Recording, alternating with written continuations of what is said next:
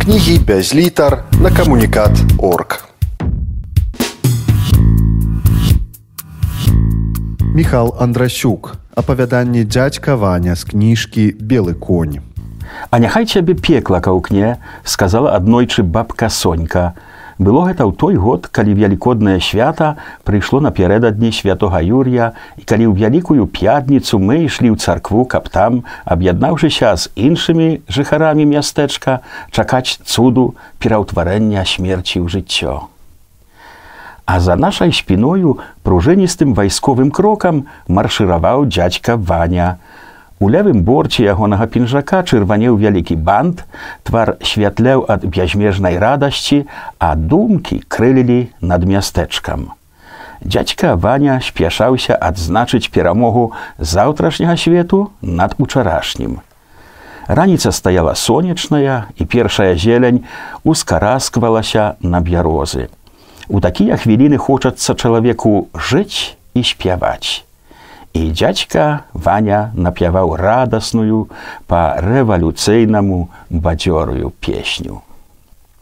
Дзень добры, пані Сонька, таксама на маніфестацыю, а?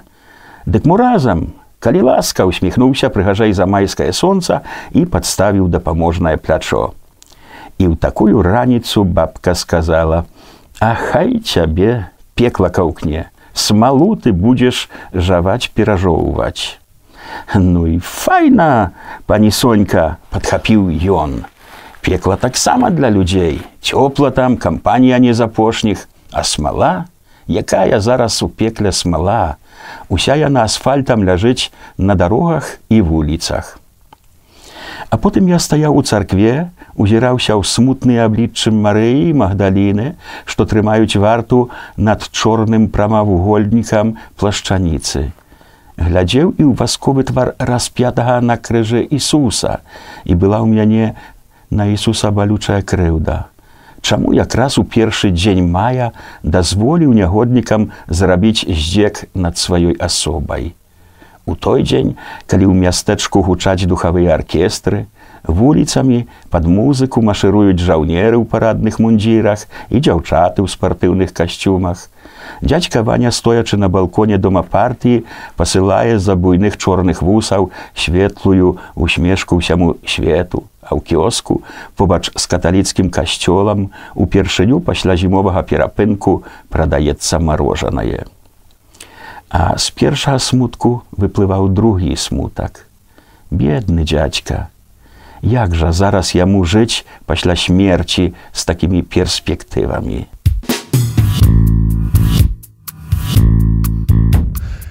Апавяданне дзядзька Ваня з кніжкі белы конь чытае Міхал Андрасюк. Нахабнае пытанне таўклося ў маіх грудзях доўгія дні і месяцы, разгаралася пры нагодзе ўсялякіх харцэрскіх святкаванняў. Менавіта тады запрашалі мы дзядзьку ваню, прысаджвалі яго да вогнішча, в'язалі на шыю чырвоную хустку, а ён, падставіўшы твар да полымя, прыводзіў з далёкай мінуўшчыны і перадаваў нам выявы вялікіх подзвігаў. Я таксама глядзеў у агонь, а вачыма душы ўяўляў, як распаўзаюцца, уздымаюцца чырвоныя языкі. І не паспееш аглянуцца, як бяруць у абдымкі дзядзьку ваню. З трэскам спапяляюцца ногі, што пратапталі не адну партызанскую сцежку, і руки, якія ніколі не прамахнуліся, узяўшы на прыцэл варожы аб'ект, і вочы, яны ж заўсёды адсочвалі пагрозу нябачную іншым вачам. Уявіўшы такія пякельныя пакуты, я тайком адступаў ад вогнішча, стрымгалоў ляцеў да хаты і, забіўшыся пад коўдру, доўга плакаў. Было ў нас да дзядзькі вані асаблівае пачуццё, мужчынскае каханне, што ўзнікае ў супольнай барацьбе, асабліва калі мэта такой барацьбы перайначыць свет.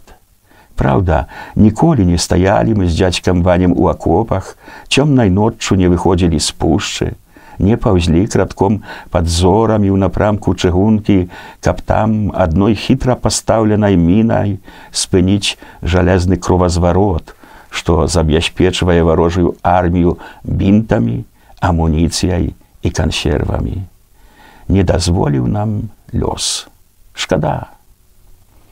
Дядьку Ваню бачу на нашай вуліцы так даўно, як далёка ахоплівае яе мой позірк. Можна сказаць, ён равеснік маёй свядомай памяці. Пэўна таму, што па-суседску з ягоным домам быў домік цёткі любы і дзядзькі колі, куды я заходзіў ці не кожны другі дзень. Калі б была цікавасць зазірнуць у сямейныя архівы, выявілася б, што Ваня быў дзядзькам зусім не нам, а толькі рудому віціку, як старэйшы брат ягонай маці пані Ніны.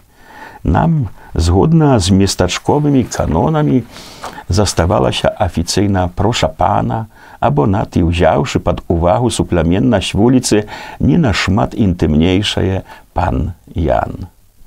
Аднак спакон вякоў мы клікалі яго дзядзькам, а ён частаваў нас цукеркамі. Ну смургалі, марш вучыцца і вырастаць. Айчына чакае афіцэраў, шахцёраў і другіх спецыялістаў, крочым у добрым напрамку і ўсё найлепшае наперадзе.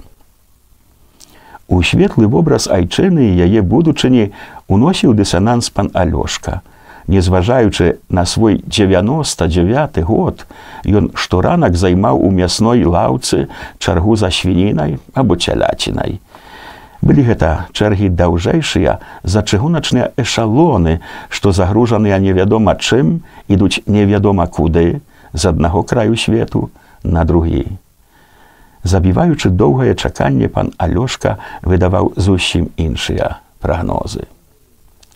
Прымыкаў вейкі, зазіраў у сваю мінуўшчыну, выцягваў адтуль абадраных жабракоў, нанова уладкоўваў іх пад цэрквамі і касцёламі, клікаў на вуліцу доўгія шэрагі беспрацоўных, а затым, запаўняючы паліцы кілбасамі і паляндвіцамі, пускаў у разгон чэргі, што нахабна гуртуюцца ў мясных крамах.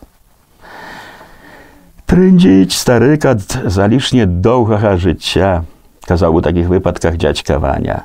Мінушчына не вернецца, бо не дазволіць наш высока узняты сцяг. У такія хвіліны нам хацелася стаць дарослымі, пераняць гэты сцяг, ды разгарнуць яго на ўвесь свет. Апавяданне дзядзька Ваня з кнігі белы конь чытаў Міхал Андрасюк кнігі без літар на камунікат орг.